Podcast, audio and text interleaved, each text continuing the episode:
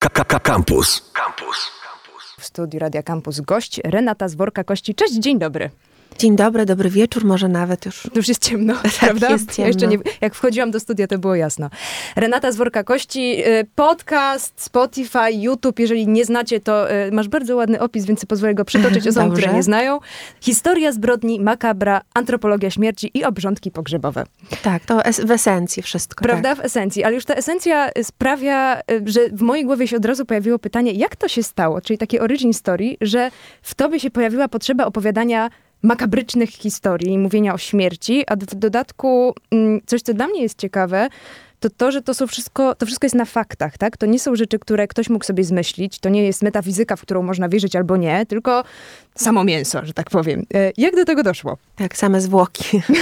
tak, i to najczęściej takie już bardzo odleżła, odleżałe. Jak do tego doszło? Long e, story short. E, Przez wiele lat byłam wydawcą książek. E, Zajmowałam się tym, co lubię najbardziej, czyli wydawałam kryminały.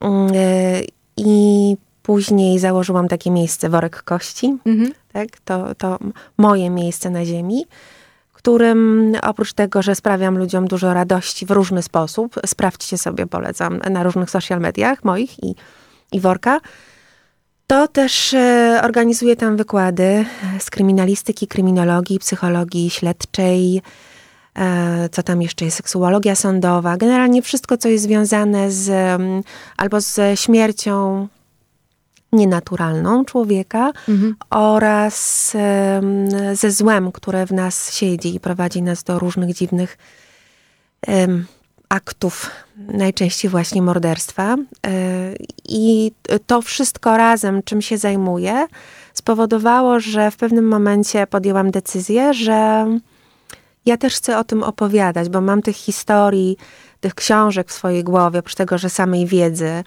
e, tony dosłownie, e, przez lat czytane, studiowane po x razy.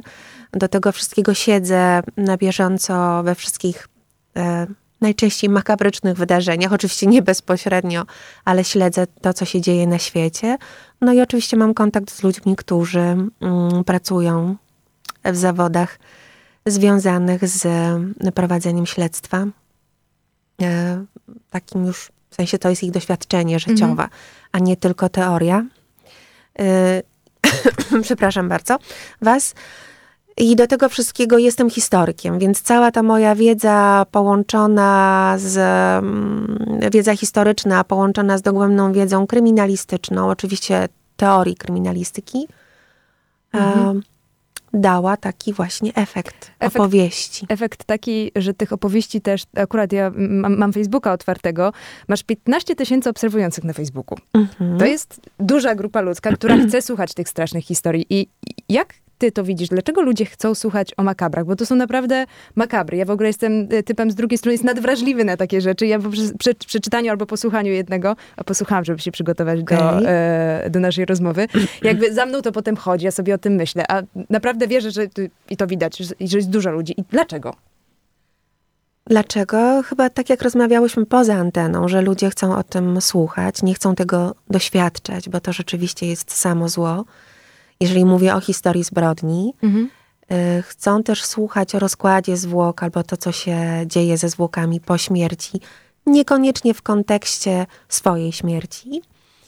E, I tak to zazwyczaj opowiadam, bardzo delikatnie. Wbrew pozorom, to są delikatne, merytoryczne opowieści. Wiele osób do mnie pisze albo mówi mi to w worku kości, że słuchają sobie podcastu do snu Ojej. i zasypiają po tym le- znacznie lepiej. No bo prawda, I- że masz bardzo taki spokojny głos. To Tak, on mam, sprzyja. mam spokojny głos. Na, zresztą na jednym z moich wykładów, bo też sama wykładam, specjalizuję się, uwaga, kanibalizm, egzekucje i nekrofilia. Wspaniale. Oczywiście od strony historycznej. Mhm.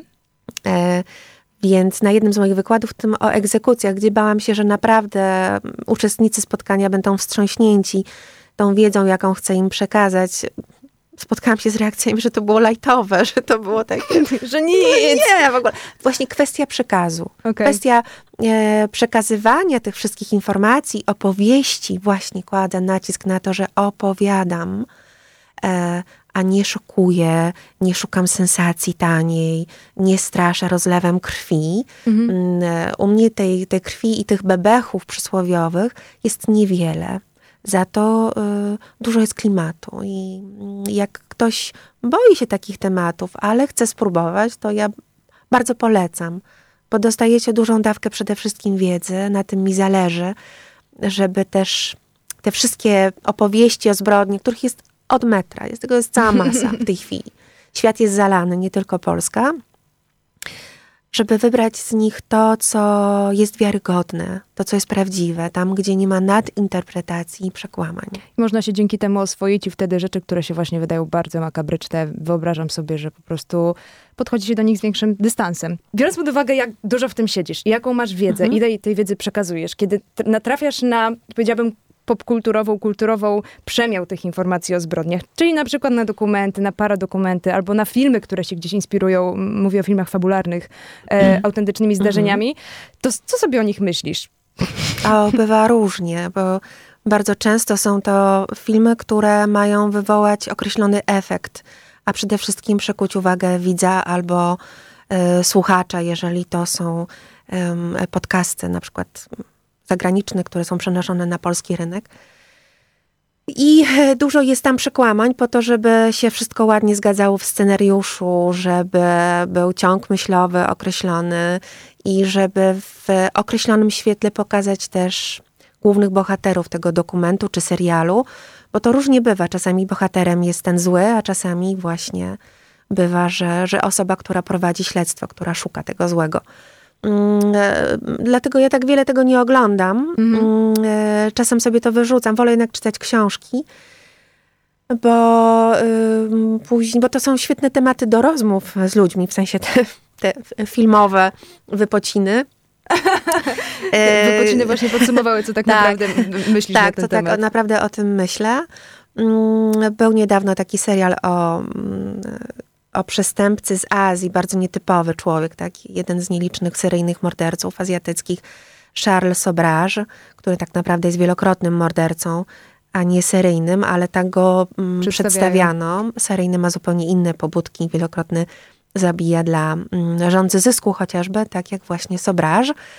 E, I wiem, że ludzie się rozpływali nad postacią, nad, nad grą aktorską, nad całą tą historią, jednak sam film, sam serial bardzo, od, bardzo odbiegał. W niektórych momentach bardzo, bardzo odbiegał od rzeczywistych wydarzeń. Przeczytałam na jego temat kilka książek. Oczywiście nie mogę mówić, że jestem specem, tak? Mhm. Ale siedziałam długo w tym temacie i, i można też znaleźć, e, internet jest cudowny, można znaleźć artykuły prasowe z epoki, z różnych okresów, sięgać wstecz płatnie i bezpłatnie, więc wiele rzeczy naprawdę można sobie sprawdzić i skorygować.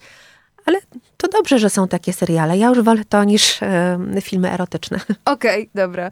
E, to jest na pewno kwestia upodobań. E... Na pewno bardziej pobudzają intelektualnie. Okej. Okay. Dobra, to jest, to jest pewien statement, myślę, że każdy e, do, do przefiltrowania przez siebie. Zastanawiam się jeszcze na koniec nad jedną rzeczą.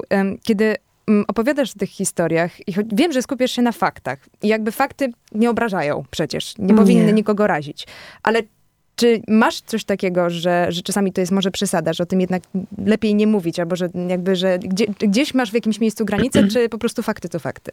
Fakty to fakty. Y, chyba najwięcej, jeżeli chodzi o mój podcast, najwięcej emocji wywołała historia księdza.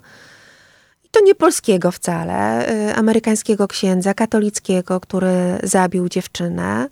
Y, I przez wiele, wiele lat, przez kilkadziesiąt lat uchodziło mu to na sucho, bo bo Kościół go krył, mm, ale w końcu prawda wyszła na jaw i trafił do więzienia e, z wyrokiem dożywotnim. Odsiedział raptem rok i zmarł, tak, bo był to już bardzo wiekowy mężczyzna. Natomiast sprawiedliwości stało się zadość. Na, ja to przedstawiałam jako historię i jako też pokazanie, że nie ma zbrodni doskonałej. Mhm, każda jakoś wyjdzie kiedyś. Gdzieś tam kiedyś wychodzi czy że są ludzie, którym się coś przypomni, tak jak właśnie było w tym przypadku, że dwóch księży y, złożyło w, dokładnie w tym samym czasie, przypomniała im się ta historia dwóch niezależnych od siebie osób, dwie niezależne od siebie osoby i, i poszły z tym na policję. Kiedy zestawiono ich zeznanie, okazało się, że właśnie mordercą był y, ksiądz. Natomiast e, mnie zaatakowano, że ja właśnie, że kościół, że o, i tak dalej, i tak dalej. Wiadomo, jak e, w Polsce, mhm. jaki to może mieć mm, e, jakie to może mieć podłoże obyczajowo-społeczne, religijne. Mm, natomiast to zupełnie nie o to chodziło. Czy teraz jak piszę historię, mm, dużo historii o, o świniach, które zjadają ludzi mhm. z różnych różnych sytuacjach, czy są to mm, wypadki, czy też e, celowe podrzucanie żywych ludzi świniom na pożarcie, e, to też spotkałam się z, mm, ale jak także o zwierzętach, jak tak można? To nie chodzi o zwierzęta, zawsze to jest człowiek. Tak, to jest w ogóle coś, co pokutuje, że y, często zwalamy winę na zwierzęta w ogóle. Tak, a zwierzęta mają instynkty, których nie potrafią powstrzymać, tak jak my, obdarzeni tak, wolną wolą i wyborem. My możemy wybrać, zwierzę nie wybierze. Na sam koniec, y, jaką masz radę dla osób, które mają duży wstręt przed takimi historiami? Jeżeli ktoś by się chciał przemóc, to jak do tego podejść, żeby się jednak przemóc? E, nie, nie, można nikogo zmusić. No dlatego mówię, o jeżeli ktoś chce się, jakby ktoś ma dużą Przemóc. ciekawość, ale, ale coś mu mówi, że nie wolno na przykład. To są bardzo interesujące historie z punktu widzenia takiego psychologicznego, bo przez to... Mm, jak, e, jak widzimy, kiedy dokonywano zbrodni, jakie były motywy, albo jak dochodzono do mm, odkrycia sprawców, poznajemy różne fajne mechanizmy psychologiczne po obu stronach właśnie. Mhm. Tam, gdzie to, to zło się dzieje, ale też e, ludzi... Ofiara. E, ofiary, tak, e, wiktymologia i też ludzie, którzy próbują naprawiać ten świat, ścigać tych e, złych ludzi. Mnie to bardzo, bardzo szalenie mnie to interesuje. I zawsze dochodzę do tego samego wniosku, że świat się nie zmienia. My się nie zmieniamy, nie stajemy się ani lepsi, ani gorsi. Zmieniają się okoliczności, ale tak naprawdę zawsze będziemy mieć tendencję albo do czynienia dobra, albo do czynienia zła. Do czynienia zła. Mówiła Renata z Worka Kości. E, historii, o których rozmawiałyśmy teraz przez ostatnie minuty, e, na Spotify. Na wszystkich platformach na wszystkich audio. Tak, Czyli tak. podcasty, YouTube i też fanpage na Facebooku. Tam, I Instagramie, tak. O właśnie, tam Renaty możecie znaleźć. Dziękuję bardzo za rozmowę. Również dziękuję. Internety. Facebook.com ukośnik Radiocampus. Twitter ukośnik Radiocampus. Snapchat ukośnik Radiocampus. Instagram ukośnik Radiocampus.